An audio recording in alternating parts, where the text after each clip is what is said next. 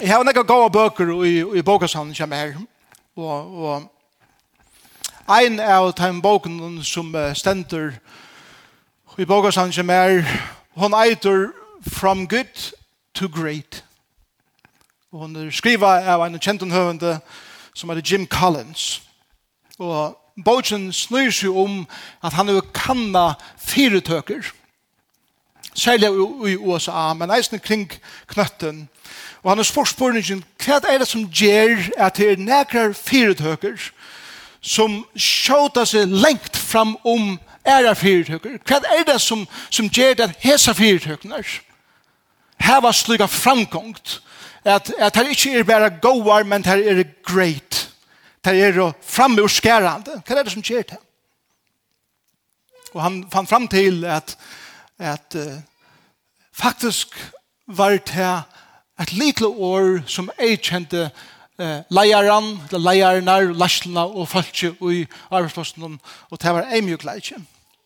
Og det var, var en mye nok til at sutja at ta i vid hava noe godt, så er maten til å få det enda bedre. Jeg vil vilje lære. Jeg vil vilje være åpen. Jeg vil vilje være velleiter og komme vi er. From good to great. Og så sier han i Sibokjen i eisene at uh, største fudgjenden er å tog framurskærande er det her som er godt. The worst enemy of great is good. Det er altså samme som at ta og vid er og nøgt vi at dette er godt, dette er finast av slæ.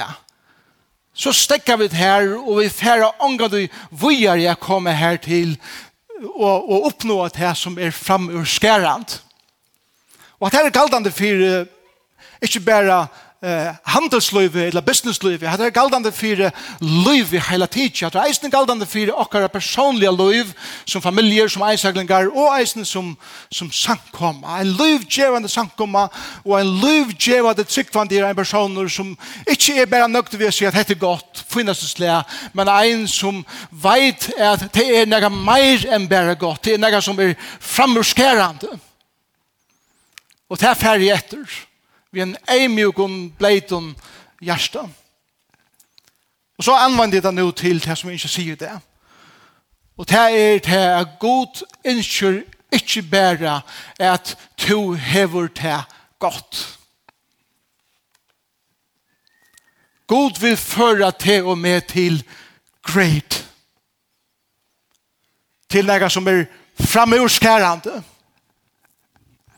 Han førde en lei hver er ikke er nøkter vi å si hett er godt, men er det suttje fyr med at han leier meg til noe som er framur godt. Framur skærand. Amen. Så. Spør kun som vi enda i talene, så er sånn det. Og Jesus spyr til kun spørningen, Hva vil du så gjøre for det? Jeg vet ikke hvordan du opplevde det, men jeg har snakket med flere av vikene som, som er kommet alltid til meg inn i hans spørningen, og det har sagt, flere av dem har sagt, jeg visste simpelthen ikke hva du skulle spørre. Jeg trodde ikke det sitte år, og da Jesus spurte meg hva det er ikke du skal gjøre for det, Jeg visste ikke Og det er ok. Så bare jeg sier Jesus, jeg vet ikke ordentlig, er eisende en ombøn om jeg blir ham og hjelper meg. Jeg du har sett år og og jeg finner nye til hva det er som ligger gypst nere i min bøtje og finner det som er lunges mest etter løven. Det finner jeg ikke så leis. Det er en fyrt. Og til det som det snur seg om da Jesus spyr meg hva vil du skal gjøre for det, så bjør han mer og til en affær fra Gud til greit. Resten av livet. Så, og nå skal jeg anse vel etter hva du sier til. Jeg vet hvordan du nevnte er miskyldig at det som du sier bare nå. Oppresjonen er Gud. Gud oppresten Jesus her som vi feira og som er ein av grundar steinen under akkurat trygg. Det er godt. Jeg var i Moskva da jeg var en tølvare gammal drunker vi stod i kø at færre inn at sutja Lenin som la her og i en glas kiste. Han ligger ikke her langer. Han er flott drang, han. Jeg vet ikke hva det er. Who cares? Men det var nok så spennende å ta.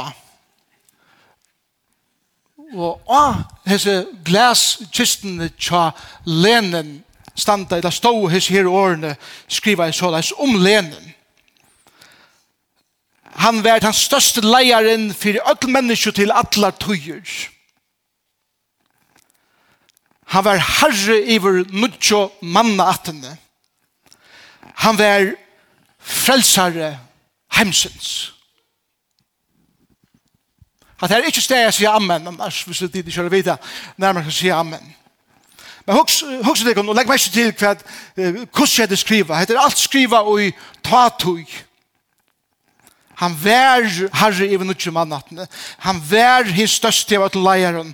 Han vær frelsare heimsins. Og sett det i kontrast til hva det er som Jesus sier at han er oppreisende. Er er det oppreisende og løyve. Vær det men er, er livande og i alter og alle ræver. Han sier i Johannes om jeg er er hin sørste, eller hin første og hin sørste, er er alfa og omega. Han er han som er kommet av vera til evige tøyer, og han sier oppreisen har givet honom alla myndelaika og hemmelige og gjør til evige tøyer. Yes. Takk, Rune. Og det er godt.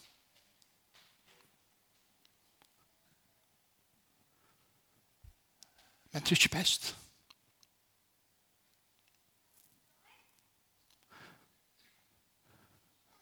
Kvinner kom ut av grøvene til morgenen ta i Jesus var opprisen og der kom og et hitja og der finna en toma grøv der finna steinen, steinen vera rivna fra munnen inn i grøvene.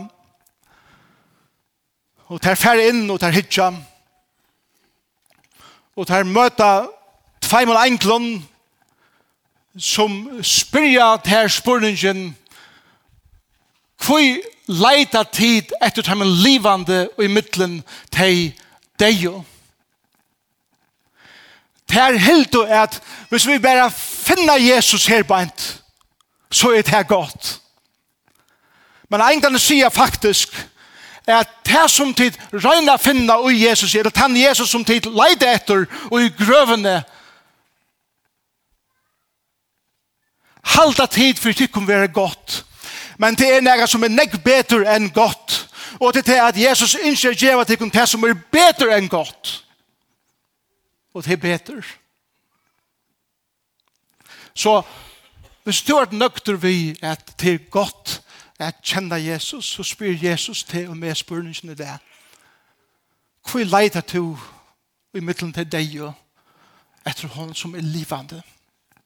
Hvor leiter du at hun ødgen etter at jeg vågner at Jesus for at gjør meg et eller annet svær her som er godt nok for meg, da han sier samtidig med det at jeg kan gjøre det her som er nekka som er nekk bedre enn det som du leiter etter. Det er flere konkurrenter her følge i det. Og det er ok. Det er deilig det her ordentlig badnansing og høl, høler og alt det nere i bygningen.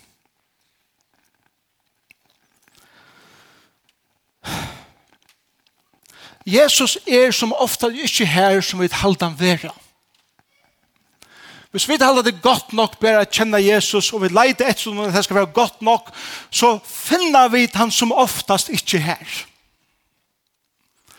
Hvis du støtter det til at jeg skal røyne at heva et godt liv, og at jeg skal røyne at genga som er vel, og jeg skal røyne at oppnå noen ting, og, og, og hvis jeg klarer det, så er det godt nok, og jeg vågner at Jesus for jeg sikne til gåa som jeg annars er nøkte ved livet, så for jeg omgang du er finna Jesus her.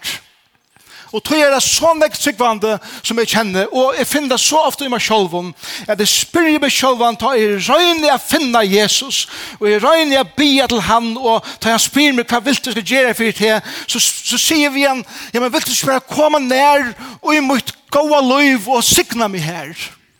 Og jeg spyr meg selv om spørsmål, hvor finner jeg unga det Jesus her? Og det tror jeg han sier, jeg setter ikke en ser og i tøynen som er godt. Jeg vil gjøre til henne bedre. Men det er som er godt.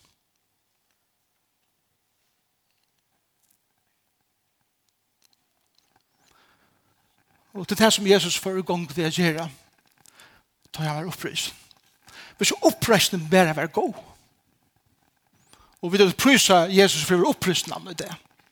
Og han var i himmelen og videre her, og annars var han ikke samband. så er det vel fatakt. Men Jesus kom som en lærersvann og taimon som var hon nær, nær. Han kom nær til herra. Han var personlig vet du. Og det tykker vi at vi det. Da Jesus spyr hva vil du skal gjøre for det. At hans atlan er at leia til med fra her som det er godt til her som det er bedre. Legg meg ikke til, jeg har ikke brukt året best enn. Jesus er interessert av her og i løyvenom at leia til og med fra tog som vi har definert i akkurat løyve være godt til neka som er bedre.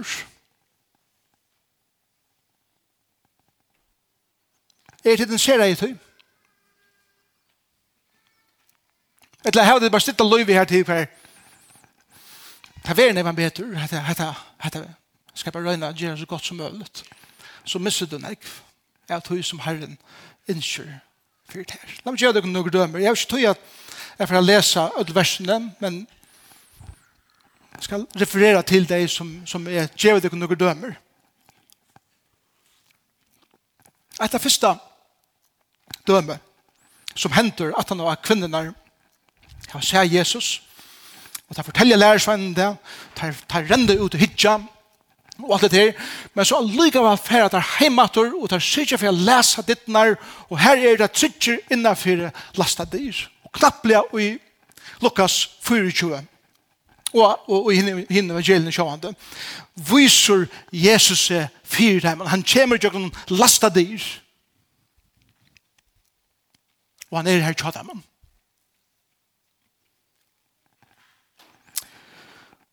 Og vi leser om i Lukas 24 at det er ivast. Altså, er det du? Er du vel oppfrysen? Og han sier, kommer jeg etta, og tar gjør noen fisk, og tar gjør noen honingskøke. jeg vet ikke det er noe som det er. Jesus sier at, at honingskøke tar oppfrysen.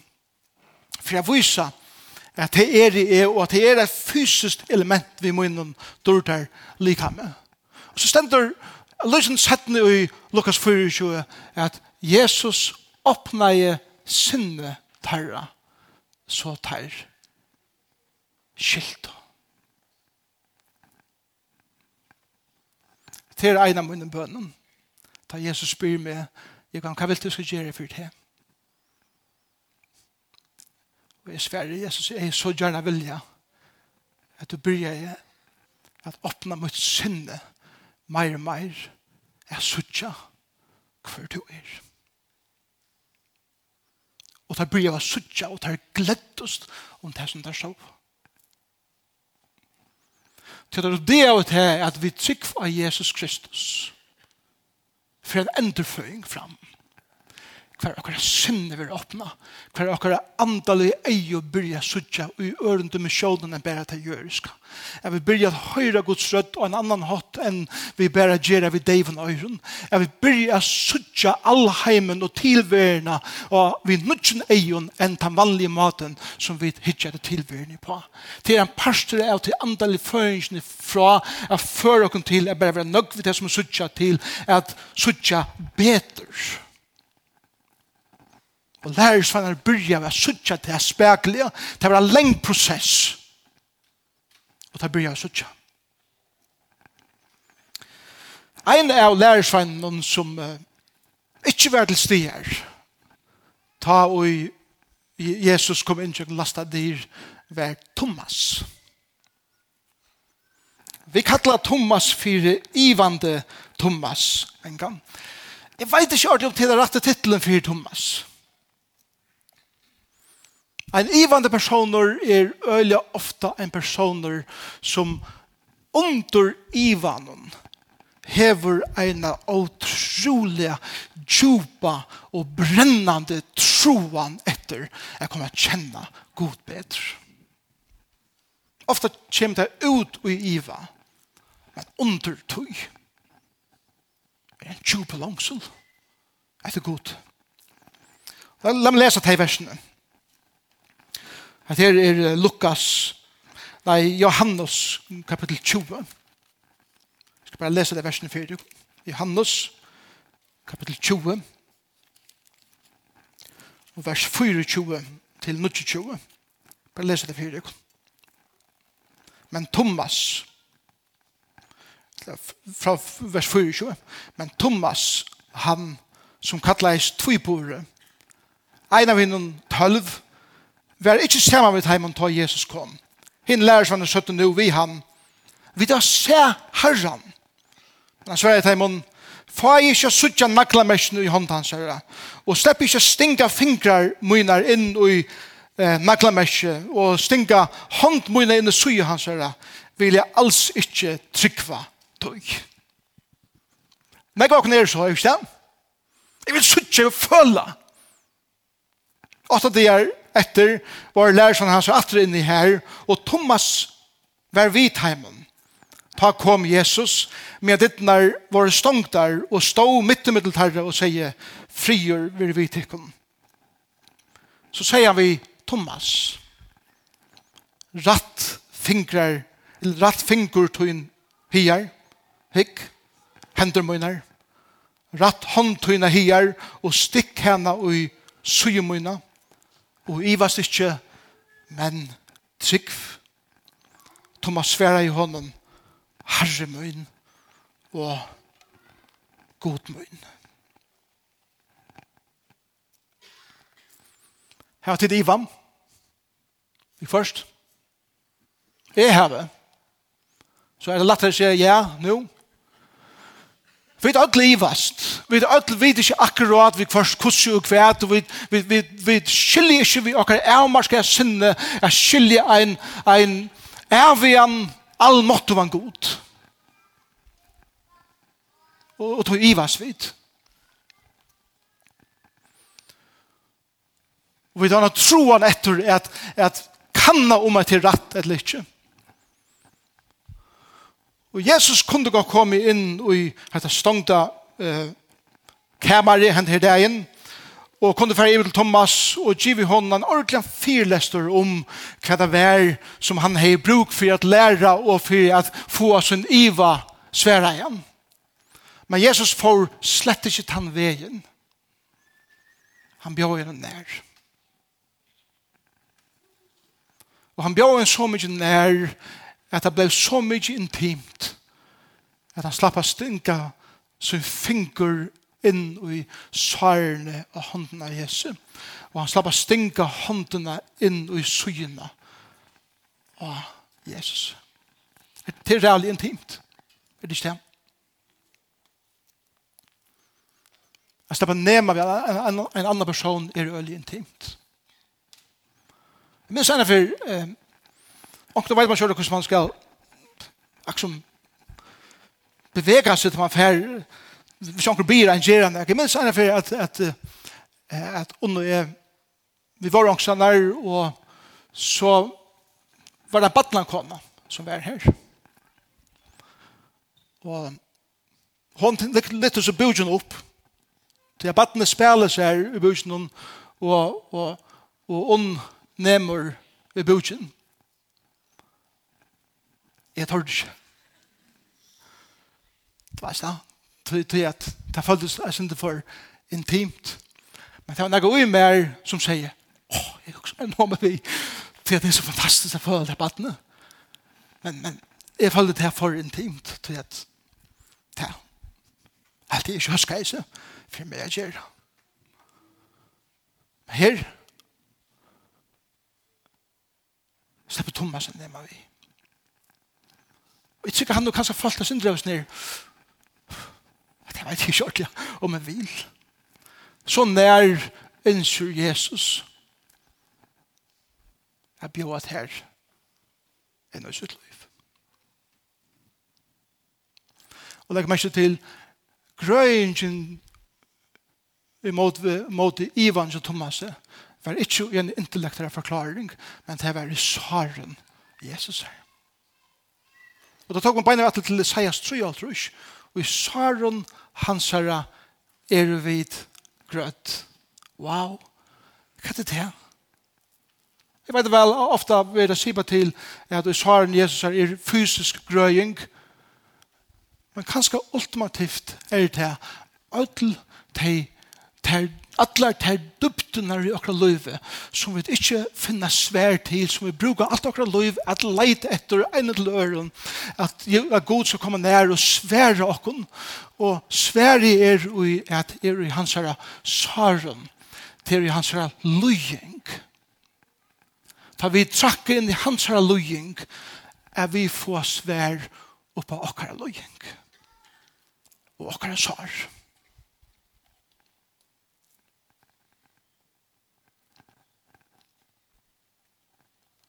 Thomas.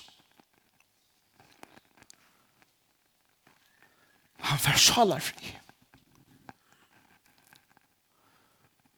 Så han skifte fokus fra synen Iva til løying Jesus her. Og kæren da er sykken til det kommer til salarøkt. Og til det kommer til at tega seg av de djupast langslen og i akkurat livet.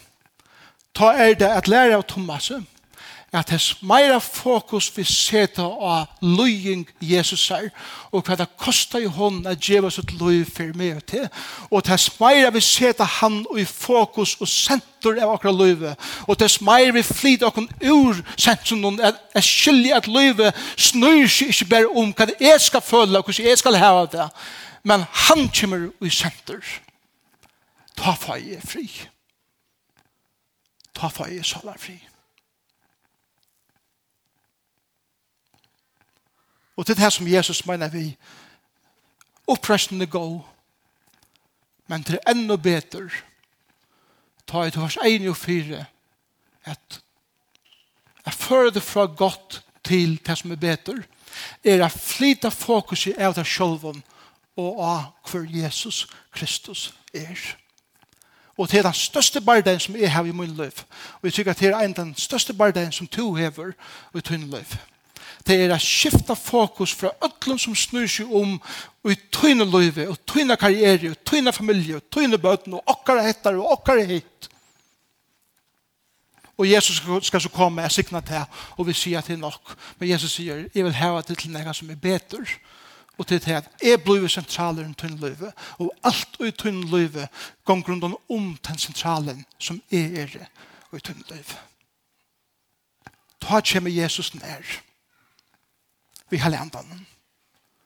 Ta bryr det få en sjån av hva det betyr å kjenne Guds nærvær. Og hitt mye tøtningen. Jeg vet at det er latt å si at det er, og kan si det året at det men det teker en livstøy at lære.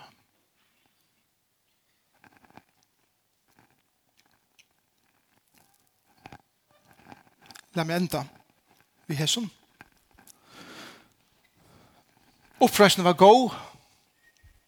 Nærvera Jesus er som ørstlede oppreisene er beter.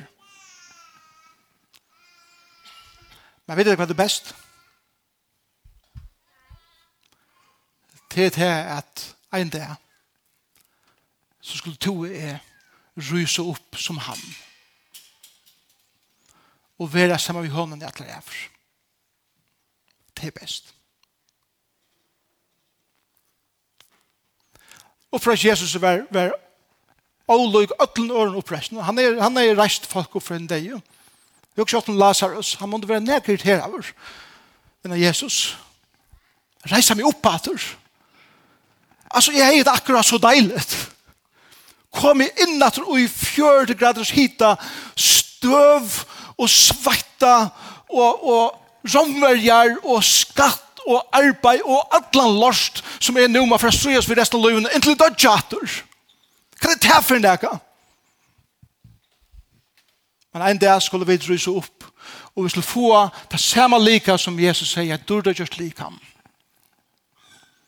Som er skapt til nekker dimensjoner som hesen heimer ikke kan ruma. Det er bare himmelen kan ruma tog. Men ui tui likamen er eisne neka som er rattliga fysiskt. Og i himmelen for det ikke bare at være flåtande andar og tilbe Jesus framfor et hasete. Jesus har et likam, han at, og han er naglamestene, og han er merskju syende. Vi kommer eisen å ha et oppreist likam, som vi er durda likam, som eisen hever fysisk aspekt til okkar likam, kjem da suttje ut akkur som du gjerst, og jeg vil leika, jeg veit ikke. Og Onkur sier, jeg håper ikke. Og onkur sier, jeg har kanskje bare frivitt det. Kom jeg, jeg meins vi at onkur sier med vikunni at at hvis du tog for å ha tøtt likam i himmelen, så får du å være eikjendere av arren som du hever her atter. Så da man ser akkurat, vi en arre at han er fra ut i himmelen, så å, her er jeg kvann. Det vet jeg ikke om det er så leis. Men jeg vet at ta få vid til ultimativa og i Guds atlan vi tøyne med liv. Og ikke for en dag. Tøy færre vid ångkant og herre gjør jeg få det beste. Kære tid. Tøy færre ångkant og i hesen løven jeg få det beste som god hever til tøyne. Hadde Hatta levar ja. Jeg tror jeg god er det beste til møten her i løven. Ja, kanskje det beste som du kan fete her i løven her og nå, men her er som er nekk bedre enn det. Og til at løv sammen vi ser i at det er. C.S. Lewis taler en fra en tale som er at The Greater Glory blev en kjent tale til honom, hver han tar seg om at det er at alt som vi elskar i løven, Vi elskar få en gåa måltid. Vi elskar å suttja eh, fantastisk skapende versk. Vi elskar at høre fantastisk tonleik. Vi elskar at oppleve opplevelser som virkelig litt av opp. Og C.S. Lewis sier at de fantastiske opplevelsene som vi her her gjør er en fatakker smakker av tog som kommer skal. Og enda målet fyrir at god djever og kanskje langsnan er at oppleva vekerleika her og gjør er tøy at vi vera mynt og at djupt i okkon ligger en langsun etter tøy som er til vekraste av ötlun. Njótelsen her og gjør er en forsmakker til til fullkomna som god hever fyrir til og med og i himmelen. Og tog må vi ikke gløyma, og jeg vet hvordan løyte, og jeg snitt sjolver har tås om det søstene. men en dag før Jesus Kristus er kommet atter. Og dette løyve skal være livet. Og alt det gjør skal som vi har investeret i, skal få en enda.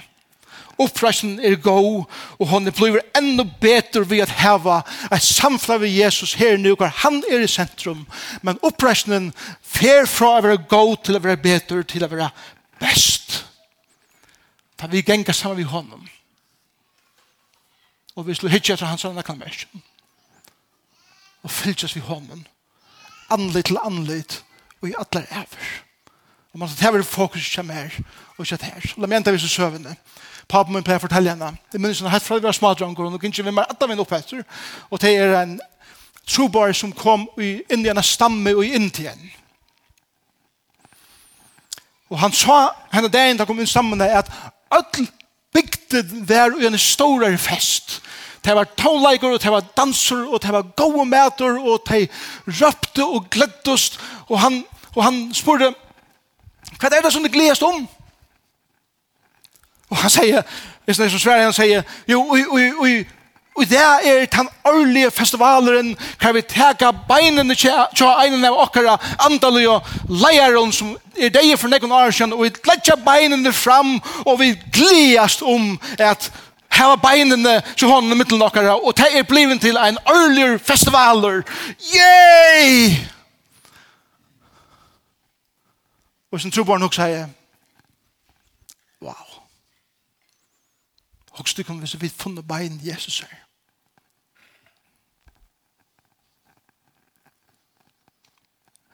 Det er ikke for noen festivaler. Det er veldig djupa djupaste sorg og djupa djupaste vannløs og er vi for forteping. Vi kjenner ikke risen opp. Men til grunn av oppreisen Jesus er at han ønsker for å komme fra tog som er godt til det som er bedre her i løvnen. Vi har så fram til det som er best. Og det er noen tog ikke være bonden av tog som vi binder noen her. Men jeg sørger vi nødgjøn egen som vi får vi kraft av andans. Jeg sørger for boi. Og inntil det som er bedre. Og det er for brød dere.